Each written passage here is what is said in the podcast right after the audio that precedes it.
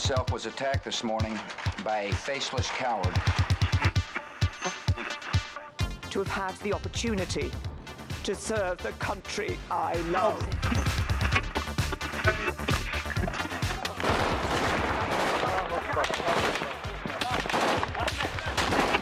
Den Einsatz für Frieden und Freiheit in Deutschland, in Europa und in der Welt. We will southern border. I beg you, please do not fail on this.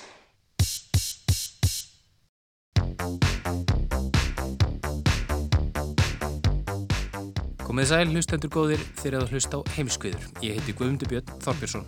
Og ég heiti Birta Björnsdóttir. Í heimskviðum er fjallað um það sem gerist ekki á Íslandi.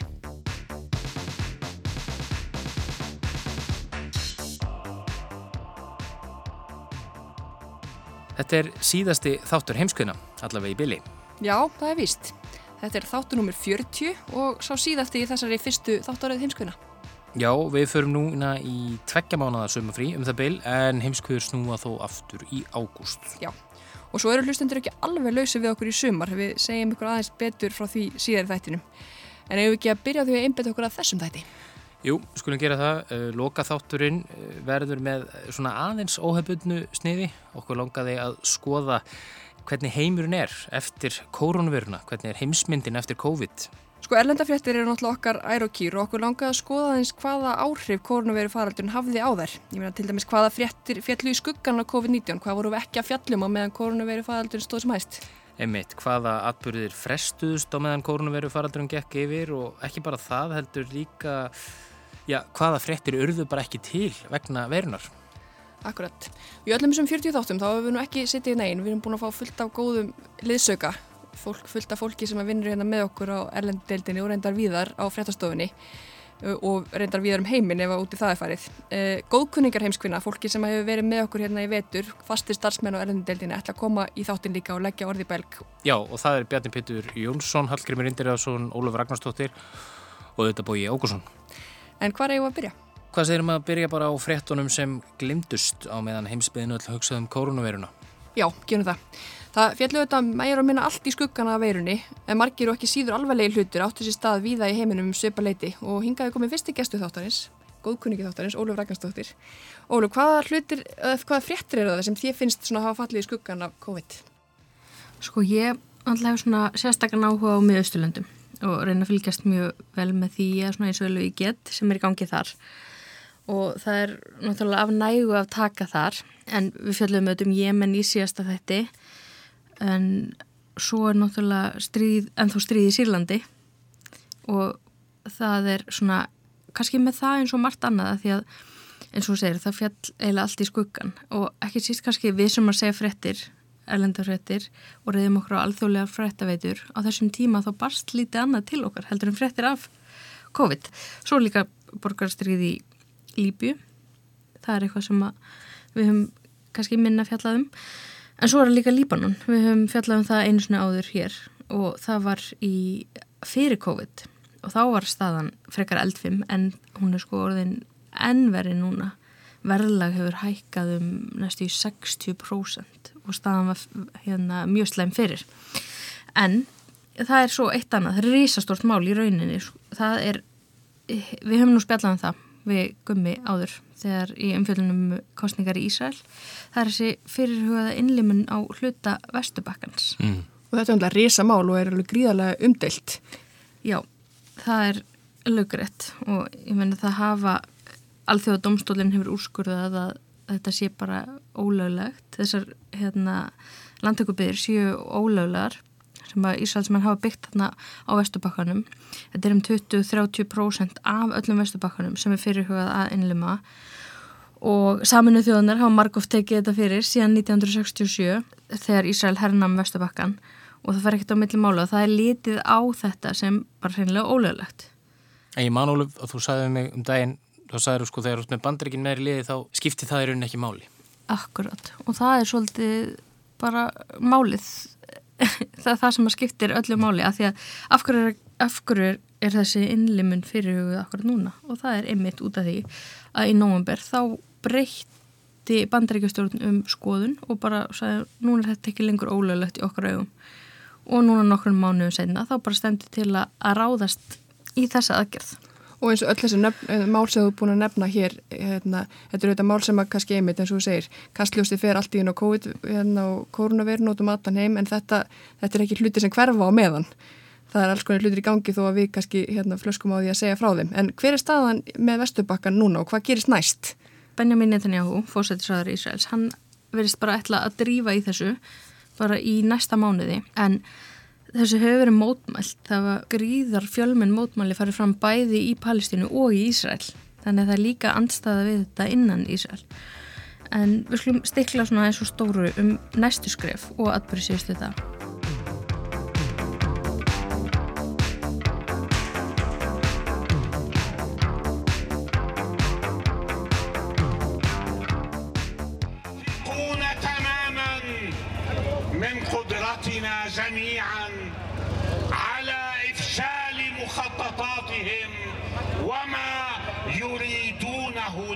Við mætum þeim óhrætt ef við stöndum saman, saði Mahmoud al-Alul, leðtögi innan Fatah-hreyfingarinnar á samstöðufundi í Ramallah í Palestínu í vikunni.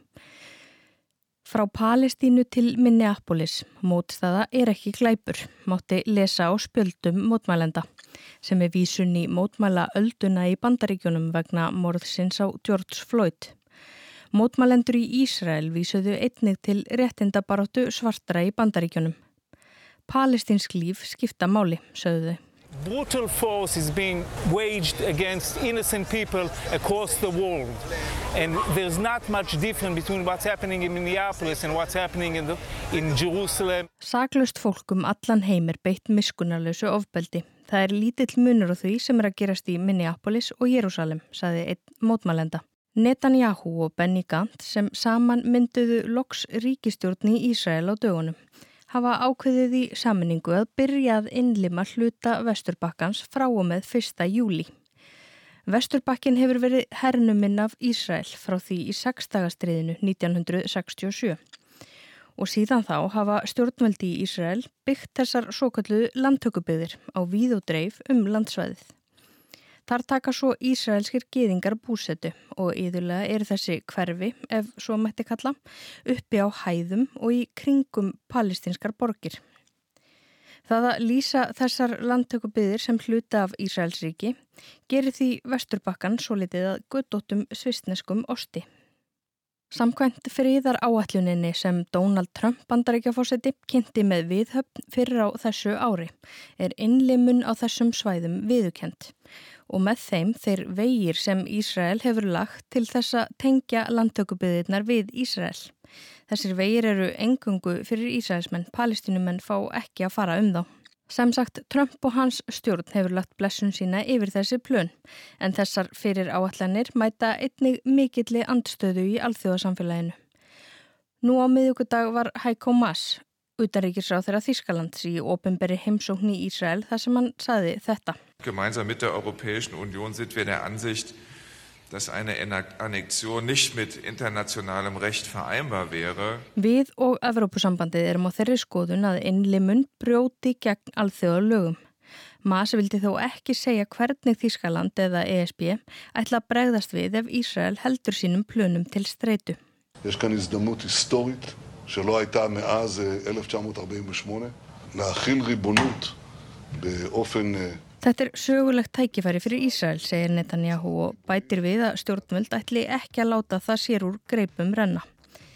Það er líklega fátt sem kemur í veg fyrir það að svo stöttu. Einna helst væri það ef bandaríkjastjórn færi að setja sig upp á móti þessum áformum.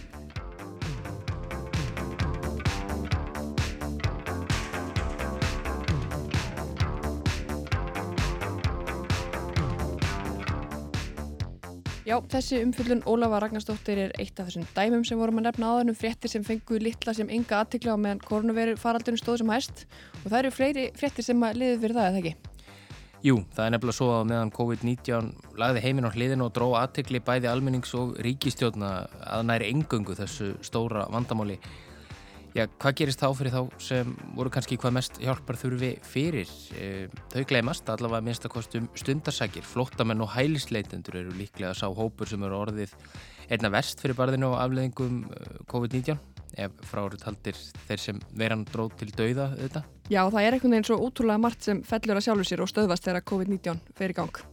Emitt, viða hafa flóttamenn og hælisleitundur náttúrulega lítil sem engin réttindi og lagaleg stað þeirra innan ákveðna ríkja er óljós og það har náttúrulega ekki meðtalinn einnig öllu þessi daglegu vandamál sem þau lenda í, eins og tungumála vandamál, menningarlegar árækstrar, útlendinga, andúð, rasismi og annað þess áttar.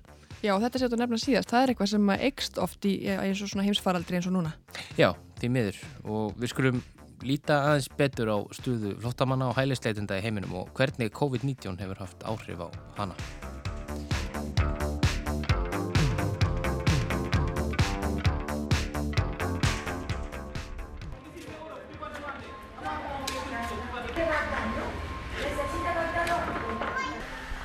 Hér heyrum við óm af hverstags amstrinu í móttökumiðstöð flóttafólks á Fuerteventura á Kanaríegjum staðar sem margir Íslendingar hafa sótt heimi gegnum árin.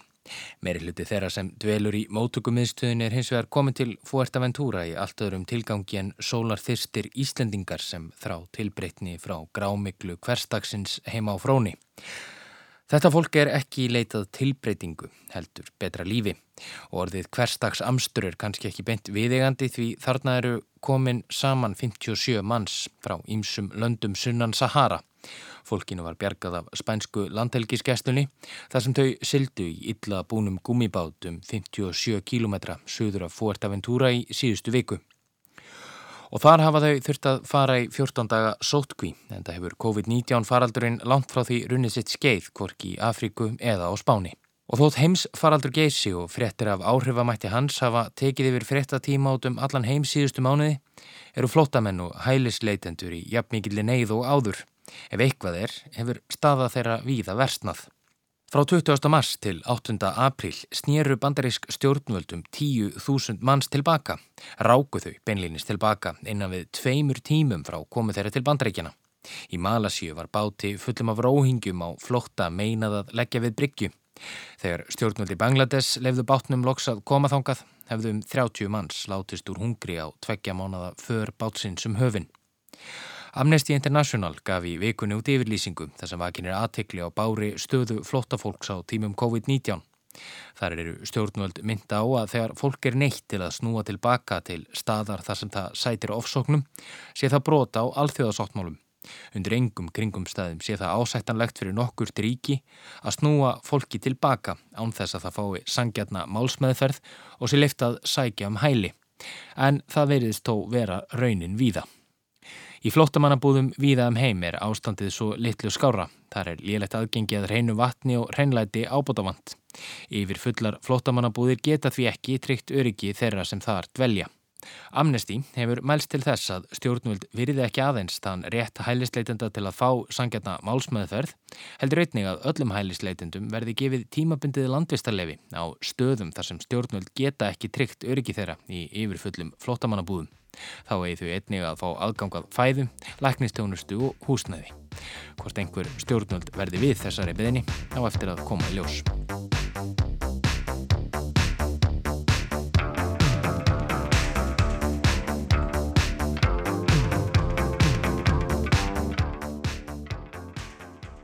Og það er ekki alveg þá upptalinn sá listi yfir fréttir sem að við, já, við og fleiri fjörumilnar fjölluðu lítið sem ekkert um á meðan koronaviru faraldurinn stóð sem hæst. Hingaði komin næsti gestur þáttarins og góðkunningi þáttarins, Bjarnir Pétur Jónsson. Bjarnir, hvaða fréttir hafa glemtust líka á meðan þetta stóð sem hæst? Það er annar mannskeiður faraldur, engisbrettu faraldurinn í Afríku. Maður svona hálf brosir þegar maður, þegar maður segir þetta en þetta, eru, þetta er, er, er stór mál en hann verður ekki farið eins, eins, eins, eins hátt í fjölmiðlum og það er þetta margt sem gleymist í Afríku venjulegu árferði hvað þá, þá þeirra heimsfaraldur geysar en sko og engisbrettu faraldur við heyrum þetta helst í tengslum við heimsendarspár ykkur og sértrúarhópa sem tengja þess að faraldra við hungusneiðir og styrjaldir og haldaði fram með heimsendir eh, nálgist. En þarna eru sko mörg þúsundu jafnvel miljónir mannslífa í húi að því að eigðimerkur engi spretturnar getar hennilega alla uppskeru fólks á mjög stóru sveiði og grípum niður í umfjöldun Guardian í byrjun júni um faraldurinn en það er rætt við bændur í Kenju sem glýmdu þetta við þrengingar áður en faraldrar ásins genguður.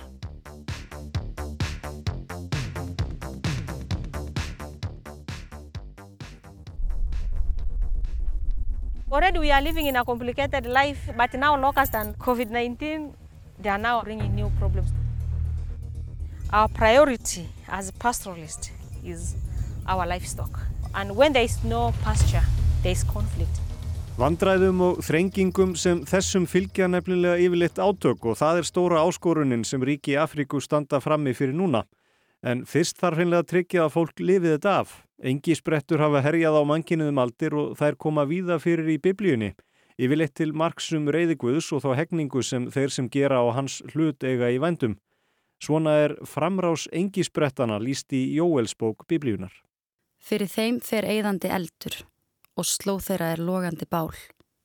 Fyrir þeim er landið sem etenskarður, í slóð þeirra öræfi og auðn, sem enginn fær flúið. Og þetta er ekkit fjari lægi. Eðimerkur engi sprettur eru gráðugarskeppnur og sísvangar og geta valdið miklu tjóni á mjög stuttum tíma.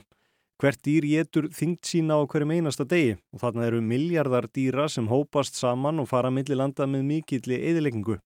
Það er getan er allt sem á vegið þeirra verður og uppskera bænda sem miljónir reyða sig á eru í hættu. Engi spretturnar hafa frá því vetur dreift sér vestur um Afríku en líka inn á Arabíuskagan og það hefur sérst til stóra svarma begja vegna persaflóans. Það er dreifa sér hratt og hafa náðalveg austur til Indlands. En faraldurinn er vestur við Hortn Afríku sem er austasti tangi álfunar í Kenju, Eþjópi og Somalíu. Þar var líst yfir neðarástandi í februar vegna uppskjöru bress þar sem þúsundir hektara ræktarlands eru ítla farnir. Rósan Markisíts hjá Matvæla og Landbúnaðarstofnun Saminuðu þjóðana segir þetta versta faraldur í ríkjónum þremur í áratugi og annað eins haf ekki sést í Keníu frá því um miðja síðustu öll. The desert locust invasion, what we know is that it's the worst that we've seen in, in Ethiopia, in Somalia in 25 years and the worst that we've seen in Kenya in se over 70 years. Og það er engu eirt. Eðimerkur engi sprettur geta á einum degi í eti kort sem gæti síðan þúsundum manna fyrir matum langt skeið. Og við þessu er engi lækning eða bóluefni því engi sprettur fjölga sér hratt. Svo kynsloð sem nú herjar verpir eggjum og önnur rísa og ógnar hraða, enn öflugri en svo síðasta. Og það verður núna í júni eða júli, einmitt þegar uppskerutíminn stendur sem hæst. Og það sem er sérstakt við þennan faraldur er hversu víða hann geysar. Þetta er vesti engi sprettu faraldur sem hefur komið upp á Indlandi í 30 ár, sem nú glýmir eins og önnur ríki við efnahagsafleðingar koronaviru faraldursins. En hvað er til ráða? Fram að þessu hafa tilraunir til að hafa heimil á pláinni skila litlu en eins og með koronaviru faraldurinn er flókið að vinna buga á þessum fjanda. Svarmatnir geta verið alltaf ferrkilometri að stærð og farið yfir 100 kilometra á dag. Það er því erfitt að staðsetja þá á tvístra en það hefur verið reynd bæði með þyrlum og drónum. Ímsum aðferðum hefur verið beitt til að verjast vágestinum en þær eru ekki gallalöysar. Því algengast er að úða skortýrætri úr flugvelum en það getur haft slæm áhrif á umhverfið og þá hafa slökkulisbílar verið nýttir til að spröyta eitri yfir dýrin. Fæst ríkjana í Östur Afríku búa yfir öflugum innviðum til að takast á við þennan faraldur eða aðra ef út í það farið. Mikilvægasta forvörnin er þó líklega að fylgjast vel með veðurastæðum, hvenar engi spretturnar ná að fjölga sér hratt og sjá fyrir hamfæriðnar til að það sé yfir höfuð mögulegt að koma í veg fyrir þær. Árin 2003 til 2005 var vesti engi sprettu faraldur í manna minnum í Vestur Afríku og þá var ráðist í aðgerið til að berjast gegn honum fyrir 400 miljónir bandrækjadala, jafnbyrði meira en 50 miljardar íslenska króna. Áallad er að uppskjörupresturinn sem fyldi sjá við fimmfalda þá upphæð og það er því mjög mikið undir í sumar fyrir ríki Afríku og miðausturlanda sem gætu þurft að þrauka við þróttin bú. Þau glíma flest við tvo faraldra um þessa myndir sem báðir ógna framtíð í búana og þeirri uppbyggingu sem áttuður sér stað í mörgum ríkjana í þessum heimsluta síðustu ár og áratví.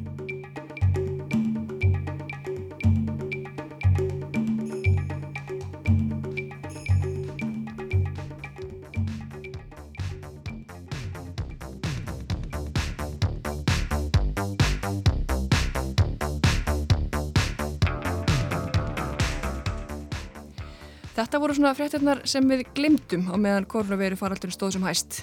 Ef við ekki næsta huga að hérna, fréttunum sem frestuðust, ég fóru á eins konar pásu á meðan koronavirun faraldurinn reyði yfir. Gumi mannstu eftir Brexit?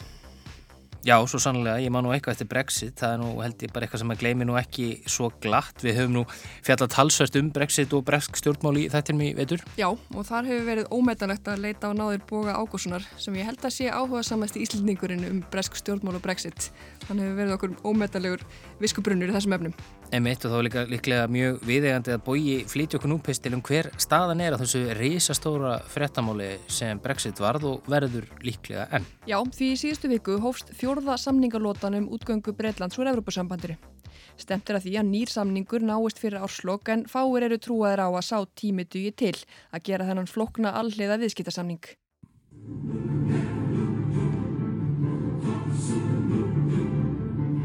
This summer, just when you thought it was safe to go back to the radio, it's back. Brexit. Brexit, Brexit. Hryllingurinn hefur vaknað til lífsins. Hann var þarna allan tíman, lág í leini á meðan enginn hugsaði mannað en farsóttina og nú sínir hann sig aftur, öflugri en nokkru sinni. Breska ríkisúttarpi fjallaði fyrir nokkurum dögum um samningaðirðarnar og líkti við framhalds rillingsmynd. Chlorinated chicken, WTO terms, and of course, no deal. Brexit, nú er það alvara lífsins. Orðin sem þú helst að þú myndir aldrei heyra aftur. Landamæri Norður Írlands, klórþvegin kjúklingur, Michel Barnier, no deal, gaggrinendur kalla þetta óbærilegt.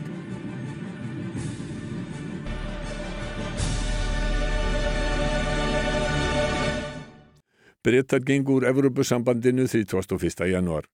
Þeir eru þó í raun enn á innri markaðið sambandsins. Þeir greiða áfram til ESB, hafa sömu skildur og réttindi og aðildaríkin nema, líkt og EES-ríkin Ísland, Lichtenstein og Nóriður.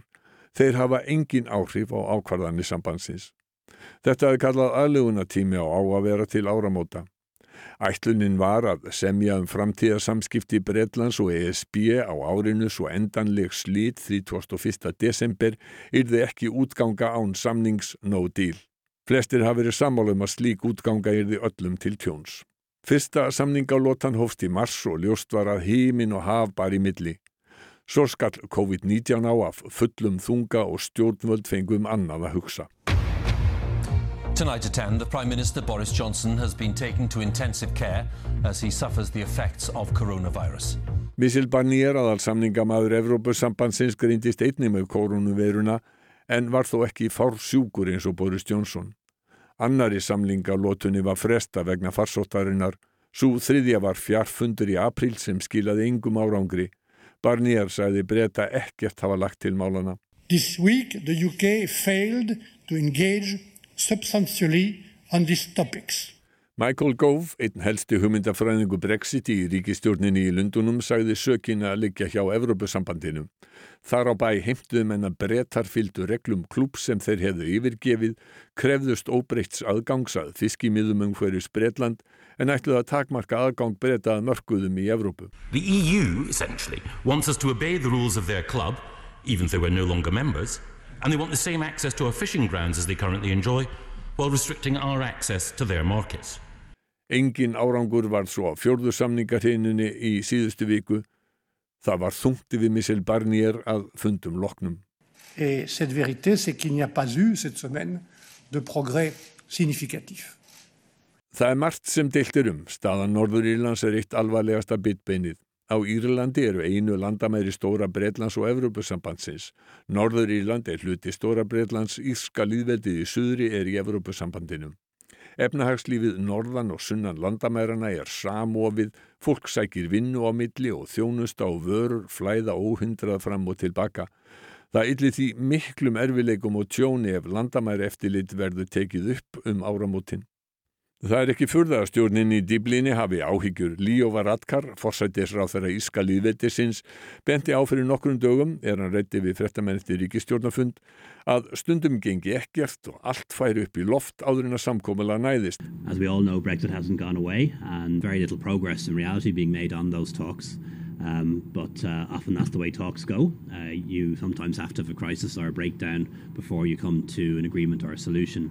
Varadkar sagði að COVID-19 væri efst í en stjórnin hefði ekki Brexit. Uh, but that's a very live issue at the moment and while the government is uh, prioritising COVID, uh, we haven't forgotten about Brexit e either.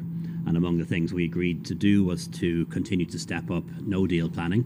Uh, that's no trade deal planning uh, in case we get into that position uh, at the end of the year. Þó að Varadkar lísti þannig hóflegri bjart síni sagði hann jafnframt að meiri áhersla er því lögð á að búa landið undir samningslösa útgöngu breyta og þeir eru æg fleiri sem telja líkurnar á viðtækum samningi mjög litlar. Missil Barnier lísti því í janúar að verkefni væri mjög umfangsmikið. Það væri verið að semja algjörlega frá byrjun. And we have to rebuild everything. To rebuild everything. Let me recall that UK will live, is living 600 international agreements. Barnier myndi á að brettar væri að segja sig frá 600 alþjóðasamningum. Gilvi Magnússon, dósent í Hagfræði við Háskóla Íslands, lísti í frettum sjómas í janúar nokkurum evasendum um að samningar tækjust á árinu. Og slíki samningar sögulega séð hafa nú oftast tekið mörg ár þannig að ef þeir ætla að ná þessu og 11 mánuðum þá er það meiri háttar afreg.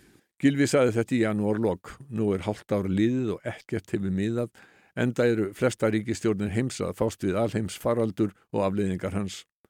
Raunar segir Barnier að koronaviru faraldurinn gerir það enn meira áriðandi en á samkómulagi. Hann sagði við viðtali við Sunday Times. Ef við náum ekki samningi þá hefur það enn meiri afleðingar og þær afleðingar bætast þá ofan á þær afleðingar sem þegar hafa hlotist af koronaviru faraldrinum. Breska tímaritið The Economist segir í nýjasta heftinu að það kom ekki óvart að samningaviðraðarnar hafi verið erfiðar. Samninganemndirnar hafi grafið sér niður í skotgröfum í málum eins og hvernig eigi að tryggja jafna samkeppni, sjávarutvössmálum og hvert vald og hlutverk Evrópudómstólsins eigi að vera. Síðasta samningalota hefði enda með ósköpum og gagfænum ásökunum. Verulega hætta væri á því að allt fær út um þúur. Tímaritið vittnar til konnunar meðal Brexit sérfræðinga þar sem 70 af 100 þeirra segja ólíklegt að viðskiptasamningur náist fyrir áramót. En af hverju þá ekki að lengja frestin? Hvorki letóri í Breitlandi eða ESB-ríkjunum hafa haft nokkur tíma til að hugsa um Brexit síðustu mánuði og tímin er naumur. Útgöngusamningurinn gerir ráð fyrir að hægt verði að lengja samningstímanum tvö ári vilja til þess. Stjórnvöld í þremur af fjórum hlutum hins saminnaða konungsveldis United Kingdom, það er stjórnin Norður Ílands, Skotlands og Vils vilja framlengja en breska stjórnin ekki. Og þar stendur nýfurinn í kunni. Boris Johnson segir frestun ekki koma til greina og let festa í lög að endanlega útganga yrði á slokk. Hann hverst ekki hafa í huga að breyta þeim lögum. There, there are um, legisl legislation in place that uh, I have no intention uh, of changing. Johnson telur að það erðu svík bæði við þá sem kusu Brexit í þjóðaratkvæðgreifslinu 2016 og íhalsflokkin í desemberi fyrra að fara fram á frestun. Helstu slagord hans í kostningabaráttinu í desember sem hann hamraði á við öll möguleg og ómöguleg tækifæri voru Get Brexit done, klárum Brexit. Get Brexit done! Get Brexit done, get Brexit done, and we can focus our hearts and our minds on the priorities of the British people. Eftir þessar digur barkalegu yfirlýsingar telur Johnson að það er því veikleika merki að framlengja. Economist segir einni að Johnson telji líklegt að hægt verða að þvinga samninganemdi ESB til málamiðlana þegar tímun verður orðið naumur til samninga og menn komnir fram á bjargbrúnina. En slíkt er alls ekki víst.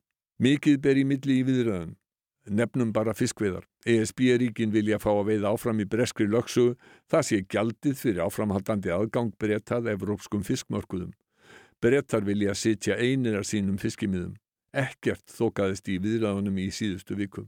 Sur la pêche, les Britanniques n'ont pas montré de réelle volonté d'explorer d'autres approches que celles Bretar hafi ekki sínt neitt vilja til að breyta um nálgun í viðræðanum um skiptingu kvóta þeir krefjast þess að fiskveiði heimildir verði tengdar áralegum samningaviðræðum og á það getum við ekki fallist, sagði Missil Barnier. Politíst mikilvægi fiskveið er langt umfram efnahagslegt vægi, sagði Stuart Ward, stjórnmálafræði professor við Kvermanafna Háskóla i frettaskýringa þætti danska ríkisjónvarsins. Fiske, fiskeindustrien er, er kun en tusindedel af det britiske øh, BNP, så det er ikke det, det handler om. Det handler om et, et industri, der har stor politisk øh, øh værdi. Det er også en, meget, det er også en visuel øh, illustration af, om Brexit er sket eller ej. Yfirráð yfir fiskveiðu löksuðunni væru takkrætn og sínilegur árangur Brexit Erfitt yrði að skýra fyrir baklandi Brexit sinna að sjá áfram fjölda evrópska veiðiskipa í breskri löksugu. Så bliver det meget svært for dem at forklare deres bagland. Annar stjórnmálufræði professor við Hafnarháskóla, Rebecca Allen Nielsen, segir Dani fylgja harðri stefnu í sjávarútvesviðræðanum.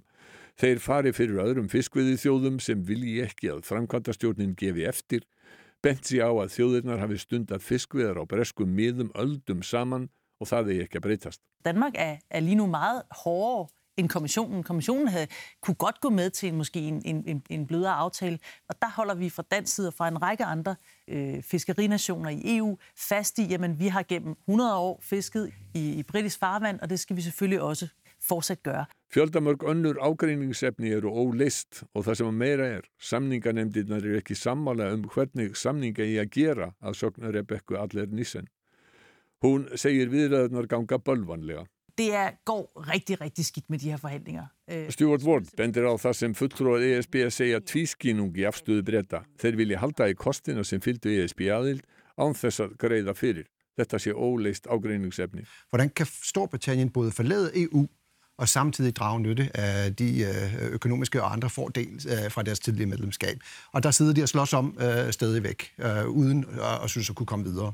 Fulltróðar Evrópusambandsins hafa ítrekka sagt að breytar get ekki valið og hafnað eins og indrimarkaður sé hlaðborð, aðgangurinn sé ekki gjaldfrjáls. Michel Barnier ítrekkaði enn einu sinni fyrir vikunni að Evrópusambandið ætlaði sér ekki að leifa breytum að velja bara feitustu bitana. We cannot accept the UK's attempt to cherry pick parts of our single market. Breytar á hindbógin segja að ESB skilji ekki að Breytland sé fullvalda ríki sem ætli sér ekki að láta stopnarnir sambandsins að ráða einu eða neinu í sínum málum. Samninganemdirnar efast þannig um heilindi hvorannarar. Aug þess að mikið ber í milli ríkir ekki tröst í viðræðunum. Tímin er að renna út. Ágreiningsefnin legjó, vantröst í viðræðum, efast er um raunverulegan vilja til samninga á báða bóa. Staða núna gefur ekkert sérstakt tilefni til bjart síni. Just when you thought it was safe to go back to the radio, it's back. Brexit.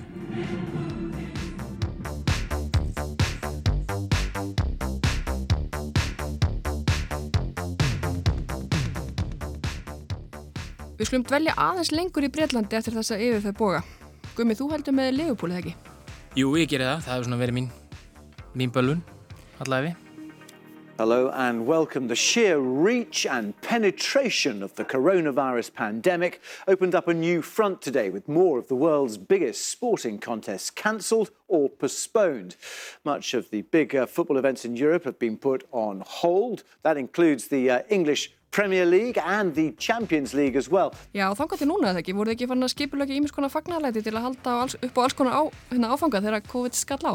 Jú, ég held einmitt að Leopold hafi nú bara aldrei eh, verið með að gott lið nema þá kannski á 8. áratögnum eins, eins og núna í vetur en, en það þurfti náttúrulega heimsfaraldur til þess að koma í veg fyrir að Leopold yrði englasmestari og hjá okkur setur Hallgrimur Indriðarsson eh, sem er nú líka eins og ég mikill Leopold maður eh, Hallgrimur, þetta er náttúrulega eins og einhverju bara, þetta er eins og einhverju stórslisamynd að auðvitað þarf að koma í veg fyrir það að Leopold veri englasmestari með einhverjum svona hætti Já, uh, þessi frægu nýju fingur á tillinum voru bara komnir á og vantaði bara tvo sigra þegar ekki var lengra lið á tíanbílunum þetta nýju umferðir eftir. Og það var bara já, nú bara er þetta komið. En nei, þá þarf að uh, þá þurfti sagt, heimsfaraldur til þess að tefja þessa, þennan fögnuð enn frekar. Emi, það er búið að, að tefja en það er ekki búið að slöfum vegna þess að ennskórasteldin ákvaða býða nú lengi ekki satt til þess að já, tímbilinu var ekki aflist eins og því var gert til dæmis í Fraklandi og Hollandi. Já og neðri deildum á Englandi líka en uh, þarna komu greinilega aðrir hagsmunir inn í og, og þó að peninga hagsmunir eigi nú að mega sín lítils gegn svona faraldri þá auðvitað spiluðu þeir þarna inn í og uh, það, var, það var lengi byggðið eftir því hvað ætlaði þeir að gera hvernig ætlaði þeir bara að láta árang, stöðuna uh, eins og hún var bara standa eða ætla minn einhvern veginn að spila hvernig ætla minn að fara að því? Að því að það var mjög snemma ljóst að þegar það erði haldið áfram þá erði það gert án áhörönda Þeir eru ekki búin að aflýsa partíinu sem sagt? Nei, nei, nei, nei Nei, það er ekki búið að aflýsa partíinu en það sem ég kannski hrættast við og velti fyrir mér er hvort að sko, stuðnismenn Liverpool verði með einhvers konar óbræð munni. Ég myndi kannski, er ekki, þetta er ekki kannski endilega óbræð ég ekki segja að óbræð væri kannski ef að þessu hefur verið slúta á staðan látin uh, vera án þess að í raun og veru titillin þannig séð væri triður, það hefði verið eitthvað skrítið. En uh, þetta verður vissulega mjög, þetta verður við undarleg skilirði að, að, að tryggja þetta og menn það var eh, það sem ég hlusta nú á marga útastætti um, um Liverpool þá var nú einn til dæmis sem nefndi það, með, með, þetta áhörvendarleysi sem verður mjög undarlegt þegar til dæmis þegar þessi frægi leikur á móti Barcelona var í fyrra þegar í mestaradeildinni þegar Liverpool tapar fyrirleiknum á núkamp 3-0 vinnur svo setnileikin 4-0 á Anfield.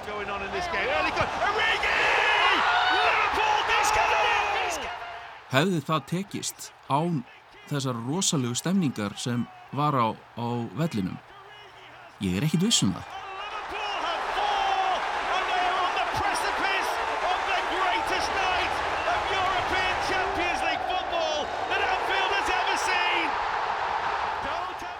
Þannig að það, það vantar auðvitað rosalega mikið þegar það er ekki áhöröndur á, á uh, vellinu. Einmitt, ég horfði á horfði á svona smá, smá bút úr þískaboltan með daginn þar sem voru ekki áhrendur og þetta var eiginlega bara ekki alveg skemmtilegt. Nei og, og, og hva, hvað þá þegar, þegar uh, titill verður treyður og þar, þar náttúrulega uh, ættum maður að er ámaða því að venjast þegar eitthvað vinst að það bara sé ærandi stemning og það, það verður eitthvað surrealíst uh, að upplifa það bara fyrir við bara bergmál í leikmönnum sem er að fagna það, það vantar eitthvað verulega mikið upp á en. Svo náttúrulega titill er alltaf titill. Já, sem verður Sigurinn kannski ekki alveg apsætur fyrir þig formann Leopold Klúpsins og ykkur hina sem að, og ykkur hinn sem að haldi með liðinu? Jú, jú, jú. Það, byðin, byðin náttúrulega það að þessi 30 ára byð sé á enda verður náttúrulega alltaf óendanlega sætt. Emitt. og það, þar heyriði það hlustundu góður uh, við Leopold fólki hér í stúdíónu uh, erum handvis um að uh, títillin kom í hús og Leopold takist ekki að klúra þessu þó er hafa nú tekist að klúra mörgu á en, síðust árum. En allir þau sem halda ekki með Leopold síðan að hætta að hlusta þáttinn? Það getur verið. Þannig að við skulum kannski uh, venda okkar hvaði kross eða ekki alveg, uh, við skulum halda okkur í íþróttunum en uh, það er nefnilega ekki bara þannig að ennska úrvastildin verði spilið í sumar. Það búið að fresta fjöl, fjölmörgum íþróttaviðburðum, íþróttamótum og svo eiga önnur að fara í gang á mjög óhefbundum tíma. Þar meðal NBA-dildin í bandaríkjanum.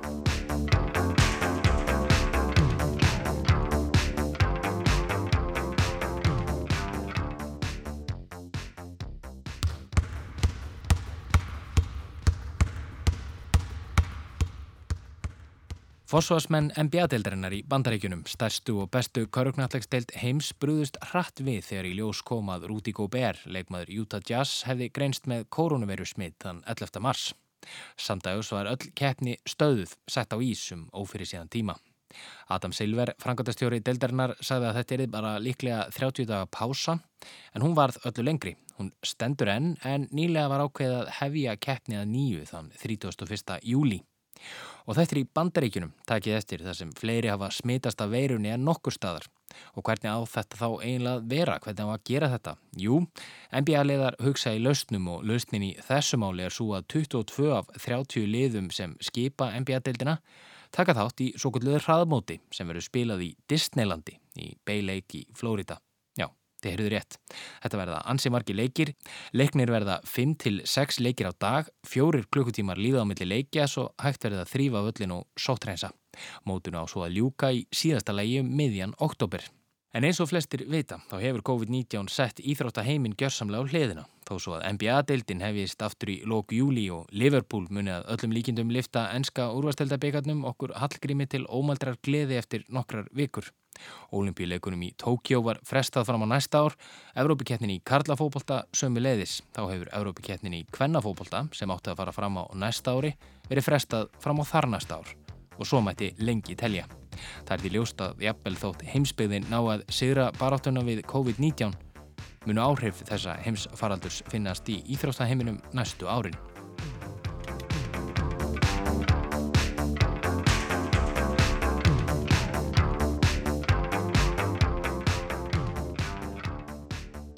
Þetta voru íþrótafréttirnar og allar hinnar fréttirnar sem að frestuðist vegna COVID-19 en svo voru aðrar fréttir sem að já voru aldrei sagðar vegna COVID eða breyttust allavega mikið og þeirra á meðal er meintur Sigur Íslands í Eurovision. Já, einmitt, Eurovision gerist nú sannarlega ekki á Íslandi en hérna heldur þú að við hefðum fjallað um keppnina hér í þettinum ef ekki hefði verið COVID? Ég, sko, já, ég held það ekki kannski sérstaklega þá um þennan meinta sigur daða og gagnamaksins, heldur kannski bara um gefna sjálfa þetta fyrirbæri sem hún er. Couleur du ciel, parfum de mes vingt ans Þetta er einn svistneska Lysa Sía. Hún flytur þarna lægið Refrain sem var fyrsta lægið til að vinna Eurovision söngvakeppnina árið 1956. 63 keppnum síðar sem Írland vann flestar allavega í minningunni hefur auðvitað gengið á Ímsu í Evrópu.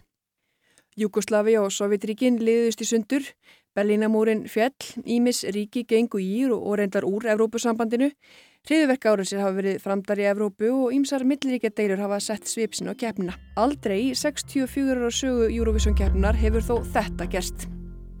Eurovision söngvakettinni sem halda átti í Rotterdam í Hollandi í mæ hefur verið aflýst vegna COVID-19 faraldusins. Rauters fréttast á angreindi frá þessu fyrir stundu.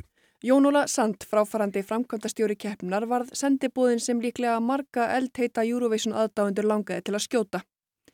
Eða nei, engan langar auðvitað að skjóta Jón Óla Sand en þessi góðkunningi íslenskra Eurovision aðdáenda var líklega aðeins minna vinsall eftir þessa ákvörðin the escalating spread of the coronavirus throughout Europe and the restrictions put in place by many governments and the Dutch authorities makes it impossible for us to host a live event as planned. Í samengi stóru hlutana skiptir líklega ekki öllu máli hvort Eurovision verður haldin í ár eða bara næsta ár. Það er hins vegar kannski ágættist dæmi um áhrif koronavirunar að þessi áratuga gamla keppni sem staðið hefur af sér alls konar breytingar gegnum tíðina skildi verið aflýst og aflýst einmitt í ár. Íslandingar voru nefnilega bísna vonguður í ár, meira að segja enn meira en venilega. Jafnvel jafn sigur við svo þegar við tókum fyrst þátt með Gleiðibanka 1986. En, ólíkt þá, virtist heimsbyðing vera kveikja á íslenska framlæginu, daða og gagnamagninu hans, eins og fjölmörg dæmi sanna. Þó að Eurovision keppnin í ár hafi verið blásin af telja ymsir að lýsa eftir Íslandinga sem sigurvegara í keppninni. Daði og gagnamagnið fengu fullt hús stiga hjá frettaþull BBC í gerð. but I've awarded you 12 points from the London jury. Okay? 12 points. Och slutligen, tittarnas 12 går till Island. Och vi har en vinnare. Det blev Island och ni var helt överens. vad fantastiskt. På tredje plats har vi Schweiz, på andra Malta och vinnaren är alltså Island. Och ni har röstat 1 461 000 gånger. Lag Daða og Gagnamaxins varð efst í aðkvæðagreyslu í Ástralíu um bestalagi sem átti að keppa í Eurovision í Hollandi nú í ár. Eins og alkunna er verður ekkert að keppninu vegna koronaveiru fararatu síns. Já, Íslands óhemmingju verður alltaf vopni, sagði skaldið, en við ætlum bara að líta svo á að þetta verði árið sem við unnum Eurovision. Samkvað, er það ekki? Jújú, verður það ekki bara sögurskoðunni sem við veljum. En Eurovision verður líklega haldin að ári og það eru fleiri fréttamál og kannski mikilvægari sem halda áfram þrátt fyrir COVID. Donald Trump bandaríkja fórseti. Donald Trump. Trump, Donald Trump. Donald Trump. Já, Donald Trump, Donald Trump, Donald Trump. Ætli hann sé ekki sá maður sem oftast var nefndur á nafni í heimskuðum í vetur. Jú, ég held að það sé alveg öruglega rétt sér. Þeir voru allavega ekki mjög margir þættinni þar sem að nafn hans kom hverki við sögu en það kom hann mjög víða við í vetur. Well, Greenland, I don't know, it got released somehow. It's just something we talked about. Denmark essentially owns it. Look, it came out of China, okay? Whether people like to say it or not, everybody knows that. Nancy Pelosi is a horrible person. And she wanted to impeach a long time ago when she said, I pray for the president. I pray for the president. She doesn't pray. She may pray, but she prays for the opposite. Kaup á Grænlandi, kínverska flensan og rannsóknin sem demokrater vonuðist til að yrði Trump til embættismissis er bara brota því sem fórseti bandaríkjana var að vasast í vetur.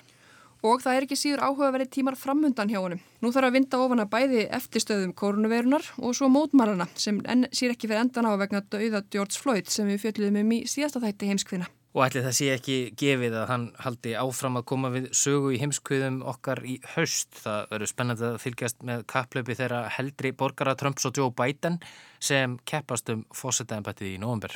Já, ég hugsa að sé algjörlega óhætt að spá því að þeir komið þar við sögu báðir. En það eru fleiri ráðamenn eða allavega örlög þeirra sem halda áfram að vera í fréttum þó áru, já, ára tugi líði. Sænski fósettisráþurann Úlof Palmi er þeirra á meðal. Fósettisráþurann sem var myrtur fyrir 34 árum síðan. Já, Bjarni Pétur Jónsson fjallaði um nýjar vendingar í þessari umfangsmestu glæbaransókn í sögu Svíþjóðar og líklega þó víðar veri leitað í mars síðaslinum. Og á miðugudaginn dró aftur til tíðinda í málinu þegar ríkisaksóknari Svíþjóðar hjælt blaðmannafund.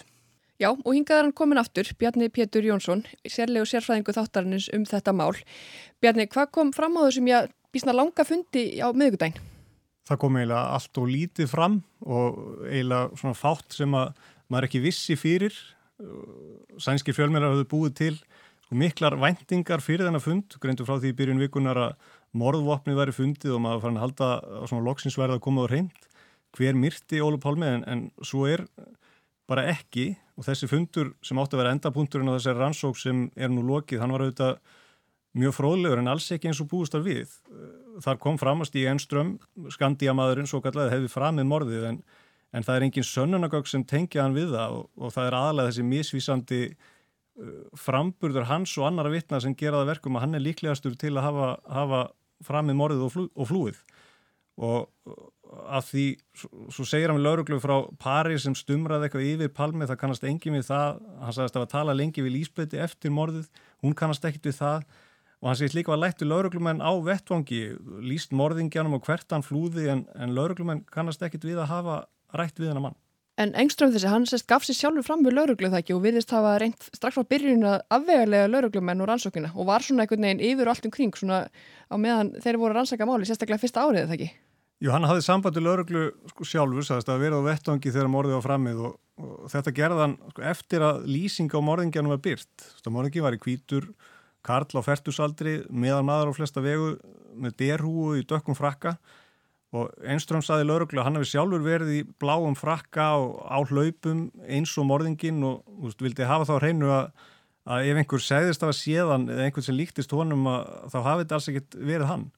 En hann var sko, eins sænskur í útlítu við gætum ímynda okkur. Hann var með, með gleru og svona loðderhú með eirnaskjólum eins, eins sænst og hugsast getur þannig að hann hefði alltaf farið fram hjá vittnum á vettvangi þegar hann dvaliðar lengi eftir morðið eins og hann segist það var gert. En á einhverjum ástæðum var hann afskrifaður mjög snemma á lauruglu og hann er látin þetta fyrir löngu síðan, 2000 og stóra spurningin kannski þessi, vildi hann gera sjálfan sig að einhverjum mikilvægi vittni var þetta aðtiklisíkið komast í sviðsljósið eða, eða gert allan tíma til þess að, að afveðlega laurugluna En núna er rannsókninni formulega lokið hálfu lauruglu. Verður þetta loka punkturinn eða eiga samsæðiskenningarnir eftir að lifa góðu lífi áfram? Það er eftir að gera það að því þetta, þetta veitir svo fá svör og Kristi Pettersson saksóknari sagði það sjálfur á fundinum á miðugdægin þegar hann var spurðar eða hvort að þeirra nýðustæða myndi binda endi á, á samsæðiskenningarnar. Hann sagðist sko, ekki vera svo vittlus að segja að svo væri og það má alveg færa rauk fyrir því að þetta sé gert til þess að hafa afsökun til þess að hætta rannsókninni. En sko samsæðiskenningarnar eiga eftir að lifa áfram. Ég held að svona flestir séu núna búin að útiloka eins og tengingar við kurta í PKK eða einhver alþjóðleg glæpasamtök. En svona deep state uh, samsæðiskenningar um að yfirvöld hafa einhvern veginn tekið þátt eða, eða átt uh, verið með puttan eitthvað í þessu eitthvað sem tengist sko sænsku SEPO leinithjónustunni eða sænsku lauruglunni það er eftir að lifa áfram ekki síst eh, vegna þess hversu ítla hefur verið staðið að rannsókninni og, og lögreglu rannsóknin á þessu máli staðið í núna 34 ára verið eiginlega tómt klúður frá nárastur upp á þetta. Það er engin sönnugögg sem að styðja það að Engström hafi verið aðna verki heldur eins og hann sé bara reyni skásti kosturinn og líklegasti kosturinn. Já, þetta er svona þægilegasta niðurstaðan að hérna, það er, hann hefur reyni, sko það er ekkit sem að bindur hann neitt sérstaklega við þetta. Og hann er svona, það er þessi mísvísandi framburður, jú, líklega hefur hann logið eitthvað að lauruglu þar. Og þá verður hann svona bara látin borga fyrir þetta einhvern veginn. Og þannig að það sé hægt að kvitta einhvern veginn fyrir þetta mál sem er leigið eins og mara á sænsku þjóðinni svona lengi. En það fengist einhver almenni svör sko um ástæður þess að Engström hafi þá framið þetta mál? Nei, það hefur komið fram að hann var í þessum hægri auka kreðsum og honum á að hafa verið ítlaðið palmi en sko þarna kemur líka aftur að sko Suður Afríku kenningu Larsson sem við vorum með í heimskuðum í mars. Leinið þjónustur Bandaríkjan og Suður Afríku hafa unnið þannig lengi að það er finna blóra bökul til þess að framkama morðið. Það er sjáum allar skipulegningu og svo er blóra bökullin fundin og, og, það er ekkit sem að segir okkur að, að Stíð Ernström sé ekki þessi blóra bökull. En það er erfitt að hugsa sem svo að sko Stíð Ernström hafi skipulagt þetta frá A til Ö. Vittni hafa greint frá því að hafi þessi grunnsamlegu jakkaklættu menn verið á ferli þegar morðið var framið Larsson taldi víst að þetta hefði verið útsendarar leinið þjónustu til aðstóða morðingar með tímasetningar, hvernig þau færu úr bíónu og, og svo aðstóða á flóttanum ef það kemur til þess. En morðingin hljóp út í vetranóttina þessa februarnótt í Stokkólmi og hefur ekkert sérst síðan og það skemmtilega við þetta er kannski að hann var líklega allan tíman bara fyrir framann, á, framann nefið á, á lögurglumönum en þeir höfðu bara ekki vita á því að ljúka þessu máli þá.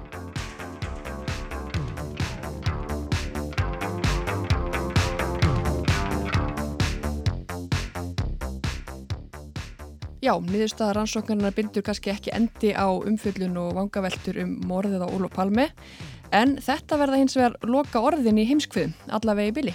Já, en eins og við nefndum í upphafi þáttar þá eru hlustendur ásar eitt ekki alveg lausir við okkur í sumar, eins konar sumar heimskviður verða á þessum tíma eh, klukkan 14 á förstu dögum í allt sumar. Já, það er allavega að rifja upp það besta, það eftirminnilegasta og kannski umfyllunarefni sem eru tímalöysar en önnur. Písla sem við fluttum í vetur en þólað okkar áliti alveg að heyrast aftur. Alveg rétt, við ætlum að hins vegar að stokka þetta svona aðeins upp, þetta verða svona þemaþættir, við myndum fjalla sérstaklega um karla, sérstaklega um konur, sem málefni sem tekja skemmtana þeirraðinum, við verðum með sérstaklega um glæpaþátt, spillingaþátt, þátt til engaðar Suður Ameríku, miða Östurlöndum og svo framvegs. Já, brotaði besta, þau ekki að segja það. Jú. En við erum komin í smá heimskviði frí, alltaf þessi ekki viðígandi að ljúka þessu og því að þakka hlustendum okkar fyrir samfélgina.